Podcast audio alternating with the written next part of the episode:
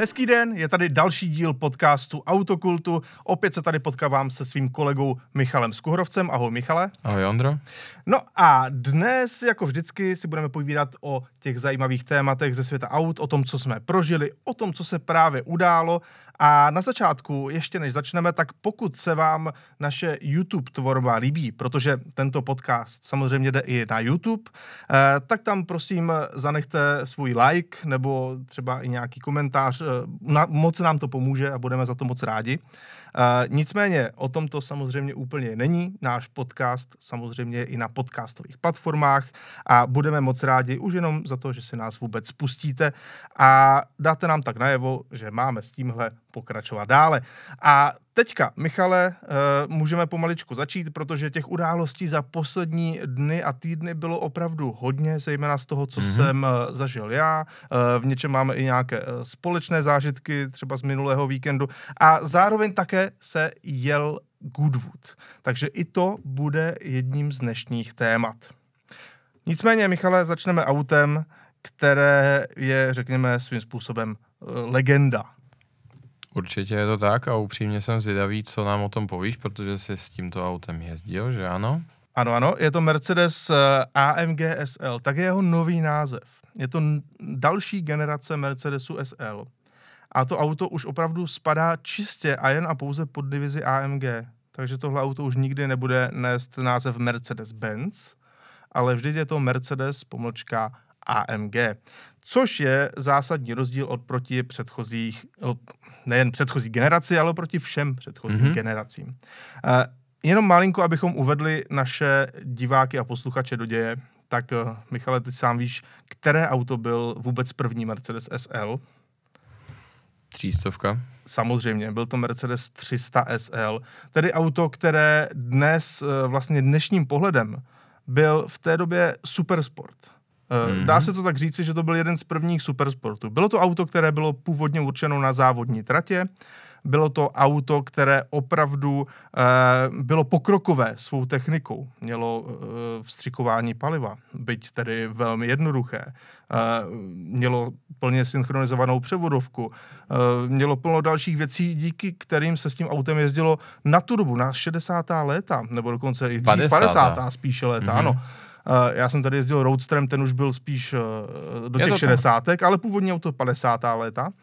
Tak se s tím jezdilo neskutečně soudobě. To auto brzdí, zatá, brzdí, zatáčí, uh, snadno se s ním jezdí, řadí a přitom ty výkony, které podávalo, tak opravdu v dnešní době, když se podíváme zpět, tak, tak to byl takový super sport. Přesně tak, hlavně nesmíme opomenout, že v zásadě sériová auta se účastnila tehdejších závodů na otevřených silnicích a uh, těch Vavřínů vyzbírala poměrně hodně. Nemluvě o tom, že vlastně vzniknul i onen uh, ostrý prototyp, uh, varianty, která měla vlastně korunovat celou tu sérii 300 SL. Uh-huh. Bohužel uh, vzniknul pouze ve dvou exemplářích, mluvím o tom legendárním 300 SL Ulanaut. Ano podle vedoucího inženýra. Mimo jiné, to s, uh, teďka se k tomu pojí taková zajímavá historka. Myslím, že to se necháme až do některého z dalších podcastů, takže zůstaňte s námi. Ale jak říkáš, uh, je zajímavé, že vlastně celou tu, jak to říci, uh, všechno, všechnu tu rodinu SL, tak začal vlastně první soudobý supersport. A vycházelo to všechno z motorsportu, protože to auto opravdu bylo jenom závodním speciálem přitělaným na značky. No a z toho navazovaly ty další varianty. Jak už jsem říkal, Roadster, tím jsem jezdil já, bylo to úžasné svezení. Eh, pak z toho vycházela eh, verze, která byla nutně blíže těm obyčejným lidem, což byla 190 SL, tedy auto s, s čtyřválcovým motorem o objemu 1,9 litrů, které na první pohled vypadá trošku jako ten 300 SL Roadster, ale tento Roadster je výrazně slabší a vyrobilo se jich výrazně více. No a pak už přichází ty další generace. Eh, Pagoda, Uh, žehlička, mezi tím mm-hmm. samozřejmě uh, byla i taková ta poameričtěná generace, kdy já jsem z tohohle řídil variantu 450 SLC Coupe, což bylo v, v podstatě uh, závodní auto homologované pro rally. Mm-hmm. Což ano, Mercedesy SL jezdili i rally. Uh, a tak dále, a tak dále, až se dostáváme do současnosti. A poslední SL, před právě tím autem, které vidíš na uh, těchto, této obrazovce, tak de facto bylo auto, které už uh, tak nějak úplně změnilo ten svůj původní charakter. Protože, jak říkáme, začínalo to motorsportem, mm-hmm. sportovními vozy, SL znamená Sportlight. Přesně tak. A dál se to vlastně vyvinulo ve vyloženě obrovský, komfortní, důchodcovský koráb, když to tak řeknu. V tomhle tom ohledu musíme vlastně uzavřít, než hmm. tedy přejdeme k nejnovějšímu autu, že Mercedes nebyl v tom označování tak úplně homogenní, protože právě začalo to supersportem a ten si vysloužil právě ten název, jak jsem tady říkal, uh, Sportlight, což znamená sportovní a lehký, hmm. ale velice rychle se to přes, řeknu, takovou uvolněnou pagodu, piknikovou, uh, dostalo až k autu Bobbyho Ewinga, ano. A pak zase zpátky ke sportovním a takhle vlastně těch několik desítek let Mercedes eh, lavíruje trošičku od zdi ke zdi. No a teďka máme právě příklad další té lavírace, protože uh, to předchozí auto opravdu uh, nebylo, řekněme, až tak sexy, až tak povedené, až tak vzhledově zajímavé. Byl to opravdu takový ten duchocovský koráb. Byť tedy komfortní, opravdu technologicky na výši. Hlavně čtyři místa musíme Čtyři místa, ale, ale už to jako lidi úplně tolik netankovalo. Hmm. Čtyři místa má tady mimochodem i tohle nové auto. Hmm. Byť to teda nejde na první pohled moc vidět. Ale, ale to je dobře. Ale tím se právě chci uh, dostat k tomu, že tohle nové SL se tak trošku vrací ke kořenům. Protože hmm. je to auto postavené na nové platformě, která je výrazně sportovnější než ta platforma dříve. Uh, snese to sebou jisté záležitosti. Někteří říkají, že to auto vypadá i trošku jako Mercedes AMG GT.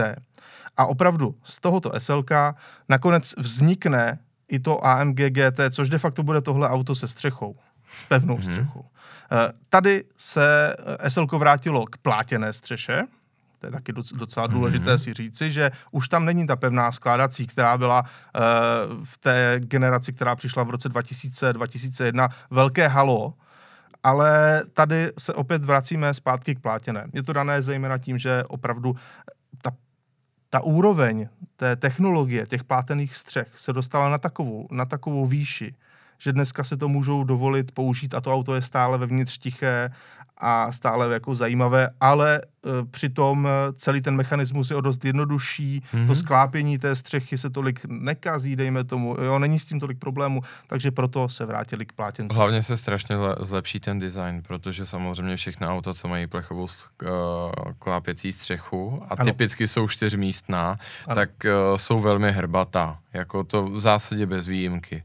Tady to jde vidět na, to, na té hmm? fotce, hmm? ten pohled ze zadu je přece jenom ta záť není tak mastodontická. Určitě, mnohem lepší. Možná se dá říct, že v tom tu chvíli vstupujeme do epochy uh, úmrtí plechových skládacích střech, protože vlastně teď, jak si to zmínil, tak mi došlo spousta aut ano. S, o, odchází ano. od konstrukce uh, kovových skládacích střech, třeba čtyřkové kupé. Ano, ještě si vezmi tu skutečnost, že Mercedes byl prvním, kdo tuhle věc mm-hmm. vlastně zavedl, když tady nepočítám samozřejmě auta, jako byl Peugeot někdy ze 40. let, mm. kde to byla jako celá střecha nebo něco mm-hmm. takového, tak v té masové produkci de facto Mercedes s SLKčkem, mám pocit, eh, byl v podstatě první těch devadesátkách. Eh, Právě Jasně. z těch masově vyráběných Přesně tak, určitě. dejme tomu, jako ta masová výroba těchto střech, tak tam Mercedes měl takovou jistou dominanci a prvenství mm-hmm. a právě o to je zajímavější, že právě u toho SLK už se toho vzdávají. No, tudíž máme tady auto výrazně sportovnější, nová platforma, na které právě bude i AMG GT. A ta platforma je třeba zajímavá tím, že to auto je v tuto chvíli čtyřkolka. Tedy hmm. už SL není s pohonem čistě zadních kol. E, dokonce ta čtyřkolka i u té nejvýkonnější varianty SL63, kterou tady máme na fotce, tak není ta vypínatelná jako třeba u E63. Mm-hmm. Tady je to opravdu stále auto s pohonem všech kol, byť upřednostňuje samozřejmě zadní nápravu, tak jak to u AMGček známe. Uh, ovšem prostě je to vždy čtyřkolka. Mm-hmm. Uh, Další zajímavosti je, že to auto má uh, pokročilý hydraulický podvozek, díky tomu nepotřebuje stabilizátory tím oni trošičku v Mercedesu říkají, že to auto by díky tomu, i když je nízké a sportovní, si mělo zachovat ten komfort. Mm-hmm. Zajímavé. Pod kapotou máme dvě, dva osmiválce, buď to 55, což je takový návrat eh, toho dřívějšího označení, byť ta 55 má okolo 500 koní, tedy uh, není silnější než 55, která přišla někdy po tom roce 2000. Mm-hmm. Uh, a pak tady máme 63, tam má 585 koní. Uh, naprosto dostatečné. A co se zlepšilo třeba oproti Mercedesu AMG GT, mm-hmm. v té aktuální generaci, respektive té první generaci, kterou máme tady doposud, eh, tak to auto, jestli jsi někdy tedy, tedy slyšel ty faceliftové AMG GT, tak to auto v podstatě nemá zvuk. Ani Black Series, ani uh, ty GTR varianty. Je faktem, že... Zvenku je to velmi tiché. Díky OPF asi do značné míry je faktem, že asi Mercedes už, už potom tolik nešel do toho engineeringu, aby vykompenzoval ty ztráty z toho OPFK. Já musím říct, že třeba uh, u AMG GT, toho současného, tak se mi velice líbí, že šli do takové hloubky u Black Series a vlastně kompletně změnili konstrukci klikové hřídele. Mm-hmm. A to auto jsem slyšel mm-hmm. a máš naprostou pravdu. Mně se líbí, že se změnil ten zvuk směrem jakoby k Ferrari, když to tak řeknu, a vůbec tím opravdu jako točivým osmiválcům, ale aby člověk slyšel tu charakteristiku toho motoru, tak to pomalu, aby si k tomu autu kleknul. Je to tak? A to je právě eh, jedno, jedno z velkých překvapení nového SL, protože když jsem to auto poprvé nastartoval, tak eh, to auto vyloženě vyštěklo mm-hmm. a i po tom příjízdě eh, je tady střílení do výfuku na sportovní mm-hmm. režim, při, jak při přeřazení, tak při sundání nohy z plynu. Je tady výrazný ten zvukový podkres.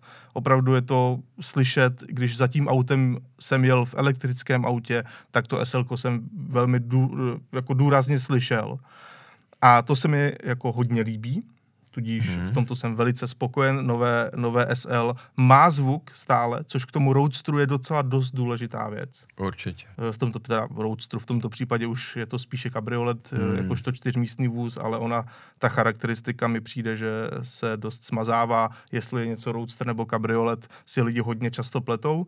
Tak hlavně marketing automobilek tak. v tom vyložení dělá na schvál guláš. Souhlasím. A bohužel tím se maličko rozmělňují ty jasné distinkce mezi těmi a druhy karosérií, protože ono je roadster, pak někdo používá speedster, do, to, do toho je kabriolet. Možná, že kabriolet v dnešní době je spíš taková zastřešující pro všechna uh, definice. Mm, a potom bychom to třeba mohli dále dělit, ale právě otázka je, kde je ten marketing a kde je nějaké, řeknu, karosářské názvosloví. Uh, tudíž eh, to byla první věc, která mě na tom autě zaujala, pak jsme se byli projet, uh, nejdříve člověk se usadí do interiéru, kde uh, má tento nastavitelný tablet, řekněme, to je pro mě věc trošku kontroverzní. On se dá různě sklápět podle toho, aby člověk na něj lépe viděl. Mm-hmm. Může buď ležet tak, že ten vrch toho tabletu je de facto opřený mm-hmm. o tu palubní desku, anebo je v této vzpřímené poloze. Uh, za mě to je řešení sice zajímavé, ale přijde mi v tom interiéru malinko rušivé. Jinými slovy, proč to dělat jednoduše, když to jde složitě? Souhlasím, ano. Nicméně, to auto jinak opravdu má výraznější sportovní tvary i sportovní jízdní vlastnosti. Mm-hmm. Opravdu je to auto, které si mnohem víc užiješ než dříve. Eh, k, té, k těm motorizacím ještě jsem zapomněl dodat, že bude se prodávat i ve variantě 43, mm-hmm. což bude čtyřválec. Čtyř dokonce. Vůbec poprvé čtyřválec mm-hmm. Mercedesu SL, ale v u českého zastoupení jsem slyšel ty názory, že jestli se prodá jedno, tak to bude hodně, protože každý samozřejmě půjde do osmi válce. No a další variantou ještě má být onen e-hybrid, eh, který jsme tady už, myslím, jednou probírali, tedy ten uh, hybrid, který má vzadu dvoustupňovou převodovku pro elektromotor a už se představil v AMG GT Four Door, kde to auto má 843 koní. Takže eh, tahle varianta by měla ještě taky přijít právě u SL. No a pak se člověk s tím autem eh, vydal na silnici a nutno říci, že je to opravdu fascinující kus techniky. Mm-hmm. Je to opravdu velice dobře jezdící auto. Je to auto naprosto uh, příjemné tou svojí odezvou veškerých věcí. Opravdu řekl bych, že to tomu velmi prospělo ta větší sportovnost. Byť zase na druhou stranu musíme si říct na rovinu, to auto vypadá, že je nízké, sportovní a tuhé a opravdu je. takže i přes ten hydraulický podvozek, když se člověk vydá na rozbitější silnici, tak to opravdu důrazně cítí. Není to vyloženě nekomfortní, ale ani vyloženě komfortní auto. Dobře. Řekněme si to takhle. Eh, tudíž eh, ti zákazníci, kteří třeba mají současné SL, tak možná nebudou úplně 100% nadšení. Ale zákazníci, kteří měli, eh, dejme tomu AMG GT Roadster a přijde jim to auto příliš zabijácké svými jízdními vlastnostmi, tím, že je to zadokolka, nebo naopak ještě příliš tvrdé, tak z tohohle auta budou nadšení. Mm-hmm. Protože je to de facto uh, auto, které malinko charakterově navazuje na to GT Roadster, ale je přitom pohodlnější, je to čtyřkolka, je to víc uh, auto opravdu na uh, takové ty delší cesty, mm-hmm. ale přitom to není to nudné duchocovské SL. Takže je to přesně auto někde cesty. mezi. Přesně tak. Mm-hmm. Uh, to jsou zatím takové první dojmy z tohoto auta, které jsem mohl pozbírat, ale nebylo to jediné auto které mm. na akci, kterou Mercedes připravil v Brně, které bylo k dispozici. A mě zajímaly ještě další stroje a zejména ty elektrické, protože AMG už se taky pustilo do té elektrické vlny. Oni teda říkají, že zatím upravují ty svoje stávající elektromobily, jako mm-hmm. třeba tady na fotce je EQS 53 AMG, mm-hmm. kdy je to pořád platforma toho EQS, tedy běžného Mercedesu, a proto tam není ta plnotučná varianta 63. Oni mm-hmm. to mhm. nazývají tak, že když už to je 63, tak to znamená, že to je prostě AMG se vším všudy. Žádná mm-hmm. polovičatá varianta, nic takového.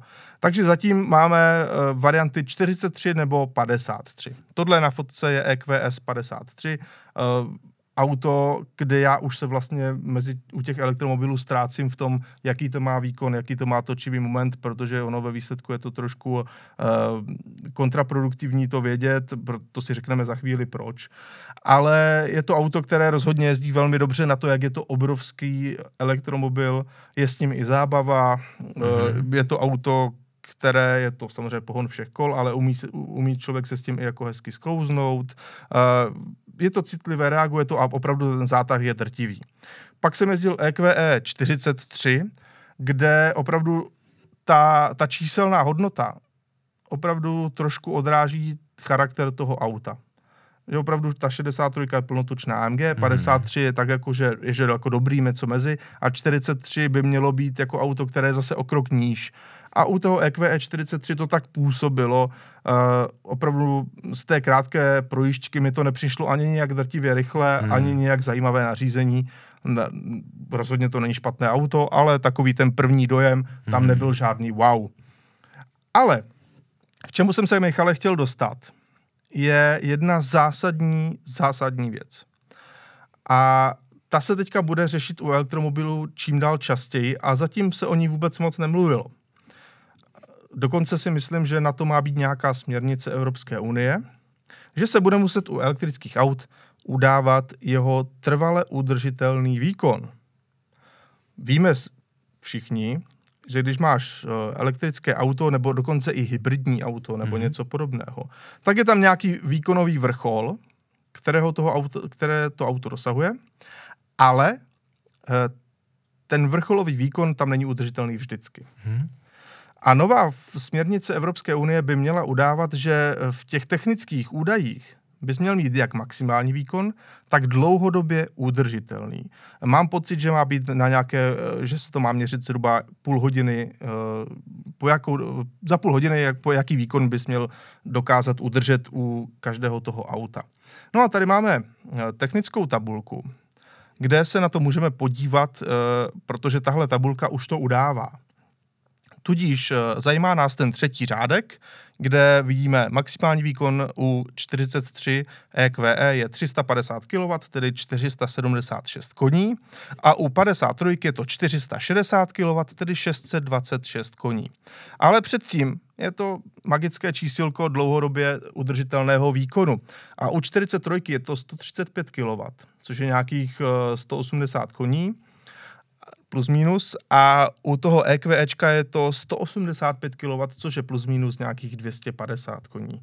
Takže tady vidíme, že opravdu ty elektromobily v tomto uh, mají pořád své dost zásadní limity. co se, jak se dokáže ta baterie uchladit. Tedy to všechno je velmi důležité pro to, jak mm-hmm. dlouho dokážeš udržet ten maximální výkon. Trošku je škoda, že na tomto vlastně v tomto nějakém, v této tabulce nebo v, tě, v tom měření člověk nemá šanci ještě nahlédnout na to, jestli vlastně se to přepne do toho režimu e, nižšího výkonu po e, dvou minutách nebo po 29 minutách. Mm-hmm. Je to prostě údaj za zhruba půl hodiny.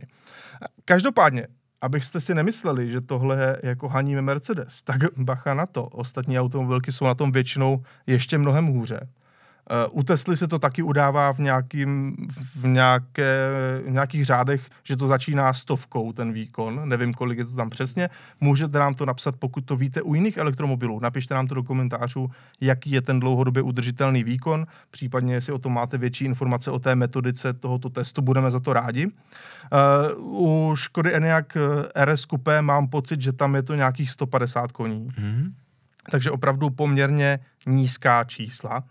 A to je taková věc, o které se opravdu moc nemluví, zejména mezi fanoušky elektromobility. Oni ti samozřejmě řeknou, že přece se nemůže stát, aby si jel takhle dlouho na plný, na plný plyn, abys na to přišel. Jenže z mých zkušeností právě i s některými těmito elektromobily, tak on ten, ten úpadek toho výkonu při delší, svižnější jízdě je cítit. Mm-hmm. Sice ne třeba takhle velký, aby se to dostalo na 180 nebo 250 koní, ale cítit to třeba postupně je. Takže zajímavá věc, pokud tedy víte o nějakých podobných eh, elektrických autech, kde už je znám ten dlouhodobě udržitelný výkon, tak nám ho napište do komentářů. No a během těchto červnových dní se udála další zpráva, pro nás jako náčence uh, velice důležitá a je to tradiční festival rychlosti v Goodwoodu. Uh, jenom schrnu, krátkosti, uh, tato akce, každý rok větší, lepší a slavnější, se koná od roku 1993 a to konkrétně v Goodwood House, což je tedy panství Lorda Marche a nachází se v západním Sussexu v uh, Anglii. Anglii jako součást Velké Británie, můžeme tady být konkrétní, jinými slovy England. Uh-huh. Tak a je to je to takový, řekněme, kombinovaná událost. Jeden její aspekt je samozřejmě ten, že veškerá ta auta, která, která se zde prezentují, hmm. tak jezdí po trati. Je to trať závodu do vrchu, která je dlouhá 1,16 mil. Některá závodí, a jsou vyloženě vypuštěna na časovanou jízdu. Ty jízdy probíhají v pátek, v sobotu i v neděli, je tam nějaká kvalifikace a pak řekněme jakože závod. Nicméně ta auta startují za sebou podle různých skupin a ne všechna závodí na čas.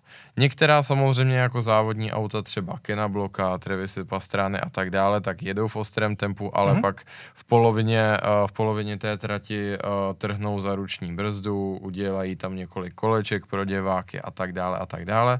Některá auta tam jenom prezentují svoji krásu a jedou, řekněme, takovým hodně výletním tempem, nebo je to třeba tím, že jsou to prototypy, poprvé se prezentují veřejnosti a tak dále. Ale pak jsou samozřejmě mnozí výrobci, uh, řidiči a tak dále, kteří uh, skutečně míří za tím rekordem. Takovým leitmotivem několika posledních let uh, byla snaha překonat ten rekord. A to z jednoho prostého důvodu, protože zkrátka dobře můžou. Rozvoj elektromobility uh, tomu zcela otevřel stavidla ten předchozí rekord tak byl zase z přelomu tisíciletí a byl zajet monopostem F1 McLarenem. Nicméně padnul uh, Volkswagen IDR za rekord a ten se držel až do tohoto víkendu kdy si poměrně neznámá společnost McMartry se svým vozem hm. jménem Sperling uh, odnáší uh, tento zajímavý rekord. Eh, ten předchozí byl pokořen eh, o nějakých 7 desetin a něco drobného, protože těch 1,16 mil, a to podotýkáme poměrně zatáčkovitých. Mm-hmm. Jsou to, eh, je to tráť, která poměrně vynáší a hlavně ta finální část je kolem zdí, které jsou velice blízko sebe. Ano. Takže není to nějaký drag race, skutečně se tam zatáčí a musí se poměrně hodně přemýšlet, jakým způsobem do těch šikan najet a zkrátka není to tak jednoduché. O to zajímavější je samozřejmě ten dosažený čas 39,14 vteřiny. Což je teda neskutečné. Když si člověk vezme, že to, To jsou je. skoro, skoro dva kilometry, Mhm. tak na dvou kilometrech, na trati, která má dva kilometry, zkuste si nějak představit takovou trať, to není úplně jako malá trať. Abyste na takové trati zajeli čas pod 40 sekund. To je šílenost. Ale Naprosto. my oba moc dobře víme, že tohle auto samo o sobě je vyloženě šílené tím, Mhm. mm-hmm. jakou techniku k tomu používá. A na druhou stranu zase můžeme říci, že ono de facto bylo nastavené eh, v tom setupu, v jakém tady bylo, podstatě hlavně pro tento závod a tyhle krátké tratě mu Přesně de facto stoprocentně vyhovují. Mhm, je to přesně tak. Uh, skoro to vypadá, jako by to auto bylo tak maličko jednoúčelné. Mhm. Třeba Volkswagen IDR byl také upraven samozřejmě pro Goodwood a také si jeho tvůrci maličko pohráli s převodovkou. Ale, Ale- zase bylo to auto, které normálně jezdilo Ano. závody. Ano. eh, Pikes Peak mám pocit, že jelo. bylo na Pikes Peaku, mm. se, pokusil se rekord na, na Nürburgringu, mm. myslím, že s tím jezdili i Vespa. Bylo tam opravdu spousta těch Tady je to exibičních univerzální závodní auto jízd. se vším všudy. Skutečně. Zatímco u tohoto stroje, malinkého stroje na první pohled, tak eh, já si třeba nejsem jistý, jestli by to Nürburgring vůbec jako zvládnul nějak solidně zajet. Um, je to malečko s otázkou, protože to auto váží pod tunu, to je samozřejmě to dobrá zpráva. Ano. A je to hlavně kvůli té velikosti, protože je, pokud se s námi díváte na YouTube, vidíte obrázek, pokud nám posloucháte, nevidíte obrázek. Nicméně, kdo vidíte ten obrázek, možná si říkáte, že ty balíky slámy jsou obří. Nejsou obří. To auto je naprosto miniaturní. Sotva se do něj vejde ten jeden člověk, který v něm sedí. A stopa toho auta je výrazně menší než Volkswagen Up. Volkswagen Up lomeno Škoda Citigo jsou samozřejmě opravdu velmi malá auta, ale tohle je ještě menší a uší. Možná si říkáte, jak je možné s takovým autem jezdit tak rychle, protože obvykle těmto motokárám doslova Hmm. od určité velikosti jim ta jejich malinkatá stopa na zemi škodí. Je to z jednoho prostého důvodu. Podobně jako nejnovější výtvory Gordona Maryho, možná je to taková renesance, řeknu tohle z zvláštní kategorie aktivní aerodynamiky, tak se jedná o auto, které má aktivní aerodynamiku v podobě větráku. A ten větrák vysává vzduch spod auta, tím ho Přesně tak. přisává k té zemi. A my víme, že když to auto stojí na místě, tak už v tu chvíli na něj působí síla dvou tun, která ho přisává k zemi. Což, eh, vemte si, že to auto samo váží jenom jednu tunu. Mhm. Přitom je to elektromobil, má 60 kWh pak baterií a de facto, což je ta naprosto nejtěžší věc v tom autě. A pak je tam ten ventilátor a nápravy a nějaký elektromotor a to je vše. Ano, když to vezmeme vlastně a řečí úplně těch hrubých čísel, tak je to uh, jeden kuň na jeden kilogram, což je onen mýtický poměr. Takže je tam tisíc koní, ano. Přesně tak. Některým autům se ho podaří naplnit tenhle ten poměr, ale pak může zase váznout něco jiného. Uh, tady nevázne ani ta aerodynamika, kde opět ten mýtický poměr je 1000 kg přítlaku na 1000 kg auta v nějaké rozumné rychlosti, jenže tady je dvakrát tolik a od nuly. Takže jak se právě říká, taková ta anekdota, řeknu, že jakmile auto tlačí na zem v nějaké rychlosti úplně to samo, co váží, tak může hypoteticky jezdit po uh, vršku tunelu, po stropě Hmm. tunelu. Tohle auto Tam může upřímně, hm, právě, uh, hypoteticky ano, samozřejmě jako zasahuje do toho x dalších věcí, ale uh, vzhledem k tomu, že je přisáváno k zemi silou dvakrát větší, než je ta jeho samotná váha, tak je to podstatně dosažitelnější Hmm. a myslím si, že by se to asi dalo realizovat, spíš než že to zůstává jenom v té rovině teorie. něco neskutečného, když se nad tím takhle zamyslíme. E, nicméně tohle auto tady získalo opravdu ten rekord e, v závodě do vrchu nad Goodwoodu. Byť je to malinká, ještě ne moc známá značka, ale ono asi do budoucna se tak nějak jako stane známější a známější, protože tohle je rozhodně e, zásadní počin. Upřímně uvidíme, kam to bude směřovat. Zatím tvůrci značky nebyli nějak zvlášť konkrétní, ne třeba v tom smyslu, a jako se dříve prezentovali hyperrychlými elektromobily některé čínské automobilky, které to samozřejmě v nějakém širším měřítku používali jako marketing a mm-hmm. posléze uh, jak si se snažili přesunout tu pozornost na uh, běžná auta, auta běžného užití nějakým způsobem sdílící technologii, ale tohle to skutečně řeknu takový britský startup a v, uh, hovoří se o konkrétním užití tohoto auta, jak ho tady a teď vidíme pro nějaké klubové závodění, nadšence a tak dále upřímně asi si budeme muset počkat, kam se ta budoucnost vyvine, jestli to bude uh, takzvaný one hit wonder, nebo jako zázrak jedné písničky, a nebo jestli to povede někam do budoucnosti. Já bych tomu jenom dodal, že pokud máte tu možnost, tak si určitě pusťte tohle auto při závodě do vrchu na Goodwoodu, protože ten onboard je neskutečný, respektive on to není vyloženě onboard, ale ta jízda celkově působí jako z jiného světa to opravdu nemá obdoby. To auto ani nepůsobí jako, že by se chovalo jako auto. A e, zároveň e, tam je hezky vidět, že v podstatě opravdu je to tak trošku nastavené jenom na tuhle trať. Hmm. Protože třeba maximální rychlost toho auta je nějakých 150 mil v hodině, to zpřevodování je takhle uděláno. A to je přesně ta rychlost, kterou to auto na Goodwoodu dosahuje hmm. na konci těch e, rovinek. Já musím říct, že tohle pilotovi vůbec nezávidím, tuhle jízdu, to už by mě vůbec nelákalo, protože zrychlení z 0 na 100 je jedna a tady vz, i vzhledem k tomu, jak je to auto přisáváno k zemi, tak si myslím, že už se dostáváme do momentu, kdy limitující faktor je člověk a fakt, že je potřeba, aby mu v mozku zůstala nějaká krev, spíš než to auto. Já bych jenom dodal, že 1,5 z 0 na 100 je samozřejmě naprosto šílená hodnota, ale tohle auto dosahuje tohohle zrychlení čistě s pohonem zadních kol. Což je další neuvěřitelná věc.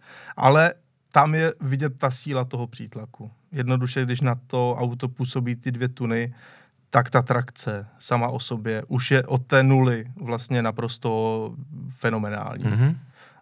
Byť navíc to auto je lehoučké, má určitě proto přizpůsobené správné pneumatiky, takže tahle věc jednoduše funguje. Mm-hmm. Byť je to jednoučelový stroj, takže tento rekord je na jednu stranu obdivuhodný, na druhou stranu jednoduše není to úplně normální auto, které byste potkali běžně mm-hmm. v mhm. provozu.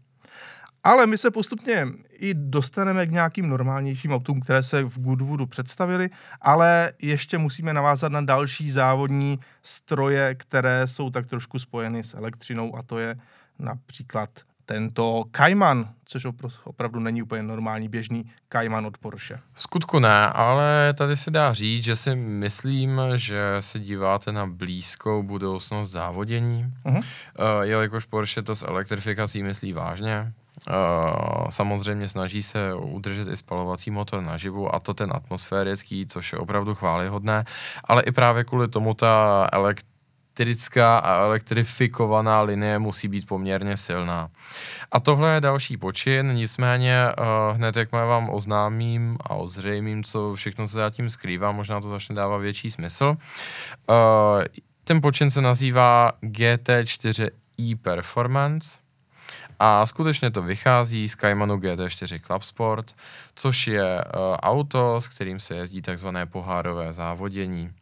Eh, Porsche pořádá hned několik různých pohárů na regionální bázi v Ázii, v Americe, v Evropě, západní v Evropě, centrální a východní. Všude se jezdí s Caymanem GT4 Club Sport. Je to velmi oblíbené závodní auto. Je to dobré závodní auto i pro ty lidi, kteří si chtějí koupit čistě okruhové auto, mm-hmm, ano. ale přitom nechtějí si kupovat nějaký šílený stroj, který se nedá uservisovat, ano. ale chtěli prostě normálně servisovatelné auto, tak eh, v tomhle je Cayman GT4 Club Sport naprosto nepřekonatelná věc. Ano, spadá do takzvané kategorie Gentleman Racer, také dalo by se říct, neboli a, auto pro lidi, kteří chtějí závodit, ale nejsou závodníci od dítěte, hmm. neživí se tím.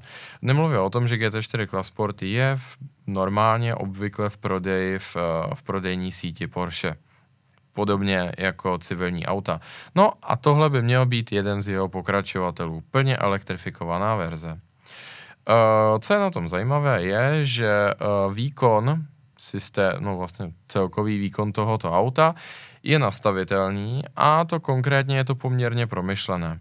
Ve kvalifikačním nastavení má 800 kW, 1088 koní. Kvalifikační nastavení samozřejmě nevydrží dlouho, to jsou maximálně dvě, tři kola. E, nicméně je zde režim závod, který vychází z závodu Carrera Cup, což je opět e, pohár e, vlastně závodění právě značkového a ten závod trvá 30 minut. Porsche garantuje, že to auto ten 30-minutový závod vydrží bez problému a to v nastavení, které uh, generuje 612 koní. Hmm. A teďka možná to nejzajímavější.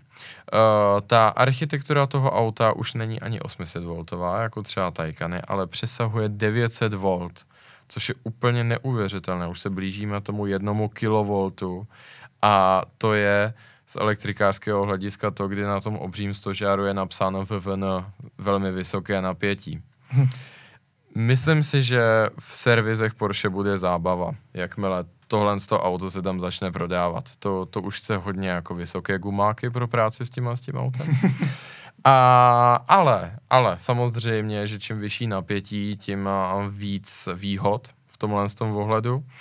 A to hlavně ta, že z 5 na 80% se to auto dá nabít za 15 minut. Což když si vezmeme průběh klasického závodního víkendu, samozřejmě s tím pohárovým závodem, který je kratší, nemluvím o 24 hodinovce, uh-huh. tak jako dovedu si představit organizaci závodu, kdy už se dá žít s tím, uh, že prostě ta příprava a vůbec nějak to odsýpá, v momentě, kdy to auto se dá nabít za 15 minut. Přičemž ten celkový výkon a ty časy na kolo vůbec na nějakých okruzích, které si Porsche vybralo do toho mixu, tak tvrdí, že jsou stejné jako 911 GT3 Cup, tedy soudobý kapový speciál vycházející z GT3. To je velmi slušné, řekněme. To je opravdu velmi slušné a hlavně my tady máme i čas, který uh, tohle auto zajelo. Před chvíličkou jsme si řekli, čas té mikroskopické šílenosti. Tady GT4 e-Performance to zvládá za 45-50.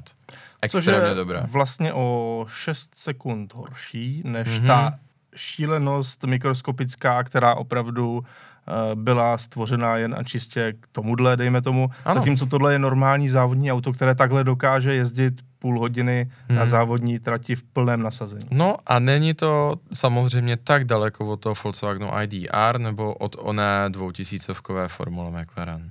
Hmm? Ano, velmi hezký čas, nutno říci. Mm-hmm. Takže tohle je další z účastníků Goodwoodského závodu do vrchu, který se jel tento víkend. A my tady máme ještě jedno auto, které trošku navazuje na to, na to o čem jsme se bavili uh, minule, tedy o Le Mans. Ano. Bavili jsme se o nových závodních strojích pro Le Mans a tady jedno z těch aut máme. Je to Porsche 963. Ano, tady opravdu vidíte uh, budoucnost automobilky a to v tom nejpřesnějším slova smyslu. Protože samozřejmě Porsche a jeho marketing a vůbec duch značky tak vysí na závodění. A toto je nový závodní speciál, dostal právě i své vlastní číslo, nejenom nějaký název, není to derivát něčeho, co tu bylo, mm. to zkrátka úplně nové auto. A navazuje na tu sérii 917, 935, 919, teď je to 963. Opravdu uh, musím říct, že i na pohled se mi to auto velmi líbí. A dlužno dodat, vidíte tam ty, nebo nevidíte, teď vám to řeknu, ty výrazné nápisy Pensky a hmm. jak, jsem, jak jsme se tady už bavili v minulém podcastu a doporučuji, abyste si ho pustili, protože tam jsou veškeré ty regulace, uh, které budou platit pro Le Mans a vytrvalostní závodění v následujících letech rozebrané do detailu námi dvěma. Mm. Takže až tohle si doposlechnete, překlikněte a uslyšíte vlastně celé to pozadí této věci. Nicméně Porsche 963 bylo teda vyvinuto společně se závodním týmem Pensky, který je uh, dlouhodobým motorsport partnerem Porsche za oceánem a právě vychází i z té uh, americké regulace LMDH, z, ze série IMSA, která byla ale nově uh, harmonizována s Le Mans a Mezinárodní automobilovou federací. Takže jedná se o auto, které je na šasi, které vyvinula společnost Multimatic jako jeden z těch aprobovaných dodavatelů těch unifikovaných šasy. Potom je tam motor generátor od Bosche a baterie Williams Advanced Engineering. Ovšem, mě by zajímala jiná věc. Baterie je pěkná, hmm. jasně, ale co to má za motor? A to je samozřejmě klíčové a tady myslím, že je to extrémně zajímavé, protože uh, po 919, která na, m, měla v zádi skutku motor laboratorních kvalit, mhm. neuvěřitelně přetažený do extrému čtyřválec V4, několika turbodmychadly přeplňovaný, tak tady jsme s něčím maličko, uh, maličko uh, konvenčnější. konvenčnějším hmm. a je to osmiválec 4,6 litrů s dvojitými turbodmychadly a celkovým výkonem 680 koní. Co je zajímavé, ten osmiválec vychází z osmiválce, který už tu nějakou dobu je, a to konkrétně z auta 918 Spider, což je extrémně zajímavé, tam to byl eh, hybrid s atmosférou. Ano, tady se jedná o také hybrid, byť takový, řekněme, na poměry toho, co jsme dneska zvyklí, spíše lehčí. Je to právě snaha regulátorů udělat to nejvyšší závodění vytrvalostní levnější, jako výrazně levnější. Jak si právě řekl, 918 byla čistě atmosférická, tady tomu sekundují taková menší, lehčí turba.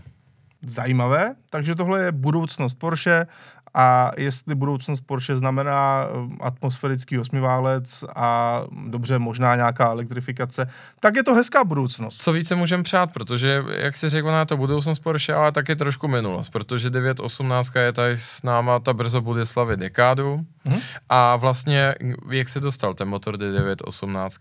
No, on je to motor, který zdědila 918 po jiném vele úspěšném závodním autě a to je Porsche RS Spider. A to už jsme vlastně v nultých letech, v první polovině nultých let. Hmm? Takže vlastně je to nějaká stálá evoluce motoru, který brzo bude mít na krku dva křížky. Dobrá, ale my přece jenom máme tyto motory rádi. Máme. A k něčemu podobnému se vrátíme i teď, byť tedy, ono vrátíme, on je to pořád postup vpřed, byť my to te, dnes, v dnešním hledisku z dnešního hlediska už si říkáme, že vlastně tyhle motory jsou tak trochu archaické, mm. ale mhm. není tomu tak, protože máme tady Supersport, eh, o kterém jsme se eh, ještě nebavili. Byť tedy minule jsme tuhle značku také nakousli v jednom mm. z mhm. minulých podcastů. Je to značka Pagani a teď mi řekni, co je tohle vlastně za auto, protože zase to působí trošku jako z jiného světa. Opravdu, je to tak. Uh, Pagány jsme tady probrali, uh, doporučuji právě projistovat i našimi staršími podcasty, pokud jste nebyli jejich diváky do posud. Pokud byli, tak přesně víte, kde teďka naváži. Pagáne, jako řeknu, naprosto unikátní ateliér všech i těch nejbláznivějších přání automobilových fanatiků. Tak pokud máte dostatek peněz, tak je vždy nakloněno postavit vám něco speciálního. Uh, Pagane Vajra je tedy supersport nebo hypersport, záleží jak opět, jakoby tady je to názvosloví maličko neustálené, který je postavený kolem motoru V12 od AMG s dvěma turbodmychadly. To auto hodně právě stojí na tom zážitku z těch turbodmychadel a z té nekončící vlny a točivého momentu. Konec konců sám Horácio Pagani si přál, aby vyvolávala dojem, řeknu, tryskového letadla, aby to tomu bylo trošku podobné. Uh, proto taky Vajra, uh, což je z jednoho velmi vzácného jazyka jeho amerického kmene slovo vítr. A toto je eh, Pagane Vajra Koda Lunga. Koda Lunga to už je italština a znamená to prodloužená záď. Toto si objednal jeden zákazník skutku vytříbeného vkusu a bude to jedna z takových těch úplně posledních třešniček na tom dortu celkové produkce Vajry. Už skoro žádné nevzniknou.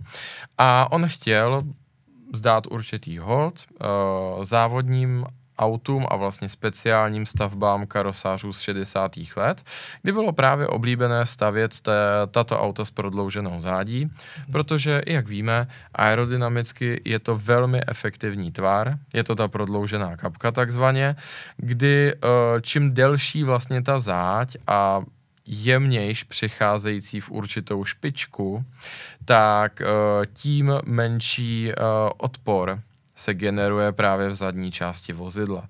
Takže se dá očekávat, byť to není upřesněno, že tato vajra, co se týče maximální rychlosti, ale i hluku a zrychlení v přímce, tak bude opravdu výjimečná. A právě, jak jsem zde již říkal, je to skutečně jedna jediná, žádná jiná nevznikne. Ale hlavně svým způsobem je to umělecký kus, socha. Eh, co se týče vlastně nějakých konkrétních údajů, to auto je o 36 cm delší než standardní Vajra, což vůbec není malé auto. A celková stopa toho auta na zemi je 3,7 metru čtverečního, takže skutečně něco obřího. Svým způsobem je filozoficky podobná McLarenu Speedtail, což je taktéž derivát uh, hypersportu McLarenu Sena, ale místo toho, aby se jako Sena soustředil na okruhy, tak právě míří na autobahn. Právě kvůli tomu má to také extrémně dlouhou a špičatou záď. Velmi hezky si to shrnul, já bych ale řekl, že přece jenom supersportu, hypersportu, elektrických aut. Už jsme měli dneska trošku dost, takže pojďme si dát něco praktičtějšího. Ano. Něco více při zemi. Něco pro lidi a pro psy. Přesně něco pro lidi a pro psy, řekl jsi to naprosto správně. A tak tady máme e, nové komby, s pohonem všech kol, více než 500 litrů v zavazadlovém prostoru, přes 1500 litrů, když sklopíš zadní sedačky, možnost tažného zařízení, a samozřejmě je to naprosto normální, uh, smysluplné auto, takže auto pro běžný lid. Souhlasíš se mnou? Úplně běžný možná, ne? To řekněme takový úspěšnější běžný lid. Ano, řekl jsem to malinko s nadsázkou. A nebo švýcarský běžný lid. Švýcarský běžný lid by asi sedělo. Řekl jsem to se značnou nadsázkou, eh, nejen s malinkou, protože tohle je další z hvězd eh, Goodwoodského festivalu rychlosti. Je to nové BMW M3 Touring. A tady je v podstatě nutno si říct, že to je nejen nové BMW M3 Touring, ale také první a jediné BMW M3 Touring, které se kdy dostalo do sériové výroby. Eh, je to auto, které vychází eh, samozřejmě z klasického trojkového kombi, eh, má všechny ty úpravy, co mají M-kové bavoráky, jenom tady eh, se to trošku omezuje v té specifikaci na jednu jedinou verzi, protože, jak jistě víte, novou M3 si můžete koupit uh, pořád i s pohonem zadních kol, anebo s manuální převodovkou se sníženým výkonem. Ovšem, u této varianty, u té varianty Touring, už je k dispozici pouze jedna jediná verze, tedy verze, která má 510 koní a zároveň má vždy pohon všech čtyř kol. Ono to je trošku logické, protože konkurence v tomto případě je hlavně Audi RS4. A Audi RS4 je samozřejmě od jak živa čtyřkolka a já osobně si myslím, že první m kombi vzniklo takhle pozdě už jenom kvůli tomu, že jednoduše s tou zadokolkou by zase tolik nedokázali konkurovat právě těm autům s pohonem všech čtyř kol. Určitě, ale je nutno uh, zmínit, že právě vlivem rostoucí regulace, tak homologace je pro mm, automobilky naprostá noční můra. A vzhledem k tomu, jak ten regulátor je precizní a dneska ten emisní štítek musí dostávat to konkrétní auto i v závislosti na tom, jaké tam máte komfortní prvky a váží se to skoro na deka, mm-hmm. s přesností, tak upřímně jako samozřejmě jako nadšenci si přejeme co jako nejvíc možností, ale to už bychom přeháněli. A vzhledem k tomu, že ta karoserie kombi je tak nějak přeturčena k praktičtějšímu autu, tak si myslím, že to, že nemůžeme mít uh, kombi za dokol s manuální převodovkou, to už bychom to přeháněli. Ano, je to asi auto, které by si koupilo tak malé procento Právě. lidí že by se to BMW vůbec nevyplatilo vyrábět. Nicméně, s tím úvodem jsem si z vás nedělal srandu. Opravdu tady přes 500 litrů zavazadlového prostoru. Opravdu to auto může mít i tažné zařízení a má sklopné sedačky. Takže když otevřete kufr, sklopíte sedačky, tak jediné, co uvidíte, jsou ty přední skořepiny což je zajímavý detail. A jinak tam máte opravdu prostor nejen pro jednoho, ale i pro více psů. Tudíž takový ten uh, sen jistých uh, rodině smýšlejících uh, fanoušků BMW M je tady. A já jsem za to popravdě docela rád. Mně se rychlé kombíky vždycky líbily, mají svoji takovou určitou auru, určitou mm-hmm.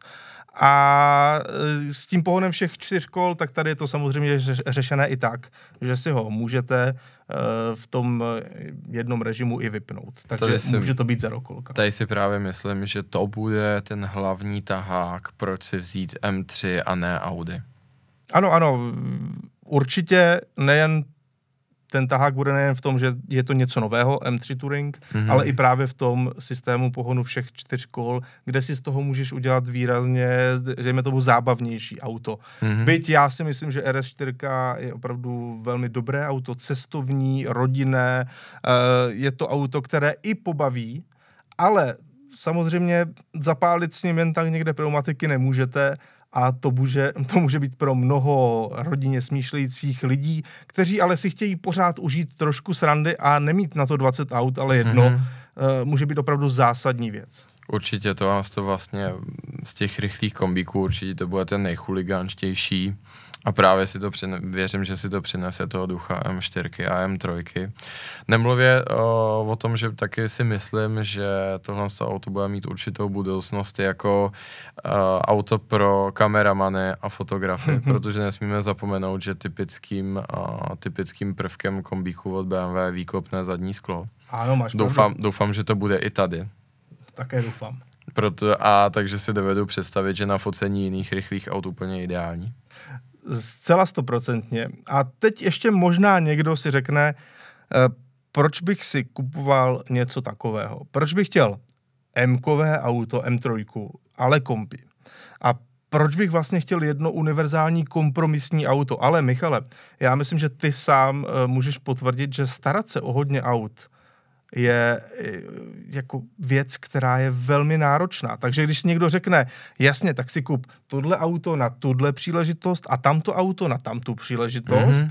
a ještě si kup tohle, aby si to celé doplnil, tak v dnešní realitě je to dost náročná věc, protože už jenom někam ty auta zaparkovat. Právě je první obrovský problém. To je prostě taková ta typická facebookovo-hospodská diskuze, ano. kdy někdo přednese nějaké auto a řekne třeba stojí 2 miliony 200 a někdo řekne a nechceš si místo toho koupit, řeknu, Vojetou 911 a Makana. Za milion, ano, no, a přesně tak. No jasně, a něco takového. Jenže to je právě ono že nikdo, nebo málo kdo říká k tomuto B, tu realitu. Uh, ať se na to podíváte zleva, zprava, ať už to bude milion nebo dva, to je úplně jedno, vždycky by se to dělilo mezi jedno anebo vícero aut, tak faktem zůstává, že na tohle je prostě potřeba čas. To jediné, co vy nemáte na tomto světě, nemá to nikdo z nás, je čas. Mm. A obzvlášť u těchhle z těch aut, uh, je prostě nutné si přiznat, že sice si koupíte něco na denní ježdění a ten sporták, ale Bohužel, doufám, že teďka vám neřeknu něco, co nevíte, ale náš čas je konečný. Každého z nás. A když se na to pak podíváte v retrospektivě, třeba po roce užívání dvou aut, tak si řeknete, ale moment. Já jsem v té 911 strávil 30 hodin a stovky a tisíce hodin jsem strávil v tom, co jsem si koupil jako to auto denního užití. Takže vlastně ten účel úplně stoprocentně naplněn nebyl. A byť se může prostě na papíře zdát, že tohle jsou auta kompromisní, tak nejsou. Protože kolikrát prostě jedete z práce a chtěli byste si v ten moment udělat tu radost. V ten moment před sebou máte krásný západ slunce a před sebou serpentínu. V tom prvním případě vy sedíte v té naftové dejlině a říkáte si, kež bych tady měl to sportovní auto ale nemáte. No, protože se ti ho pak nechce ve výsledku vytahovat. Právě, anebo už je pozdě anebo už je pozdě, anebo bys musel někam pro něho dojet, protože no, ho nemůžeš parkovat doma, protože špinavý, máš moc. Je, není, je špinavý, není správně obutý, není oservizovaný, nebo jsou značky v depozitu, nedej bože, protože pojištění je drahé, anebo ho parkujete někde úplně jinde, než bydlíte. Vlastně to je tisíce jeden problém. A to je ten důvod, proč mimo jiné celý svět vzala útokem Audi RS6, protože to je úplně podobný Ano, jedno kompromis auto na všechno. úplně na všechno. A tady ještě jeden takový zajímavý diskuzní bod ohledně M3. Mhm. Audi RS6, uh, Audi dlouho váhalo a nechtělo ten model přivést do Ameriky. Mhm. Ale s poslední RS6 tak učinilo a podle všeho je to v Americe trhák. Mezi těmi opravdu velkými nadšenci to auto má podporu a platí za to plnou a vůbec o tom nediskutují. Ono je to i kvůli tomu, že v Americe se trošku Audi obávalo, že ten kombík, protože Právě. nová R6 už je jenom kombi, na Právě. rozdíl od těch starších generací některých. Takže už nebude mít ten úspěch, ale ono to tak úplně No není. je to právě paradox, protože my, Evropani, vnímáme kombík jako něco úplně obyčejného, něco, co nám dají v práci, nebaví nás, je to fuj, je to úplně všude. Ale v Americe je to naopak. To Právě je ku- exotická věc. Je to velmi exotická věc. Samozřejmě, že průměrný spotřebitel to nemiluje, protože to nechápe. Ale nadšenci na proto naopak touží, protože vždycky toužíte po něčem, co nemáte. Lidi Ano. sem importují Mustangy, a naopak američani jsou nadšení z kombíku. No. No, a v tomhle tom světle působí jako docela zvláštní rozhodnutí BMW, že minimálně prozatím nebude M3 Touring homologovat pro Ameriku. To si myslím, že není úplně dobré rozhodnutí. Na druhou stranu buďme rádi, že to auto vzniklo a tím právě jsme vám možná trošku objasnili, eh, proč si to ti lidé kupují, protože je to eh, radost, eh, kterou máte zabalenou v tom balíčku, který můžete používat denně i pro rodinné účely. Nemusíte na to mít vícero aut a můžete si to auto užít v podstatě kdykoliv. Ale můžete nám vlastně dát vědět do komentářů na YouTube Autokult, kde právě i tento podcast eh, je. Pokud se tedy díváte, tak nám to dejte vědět do komentářů. Pokud nás jenom posloucháte, můžete se na náš YouTube přijít podívat.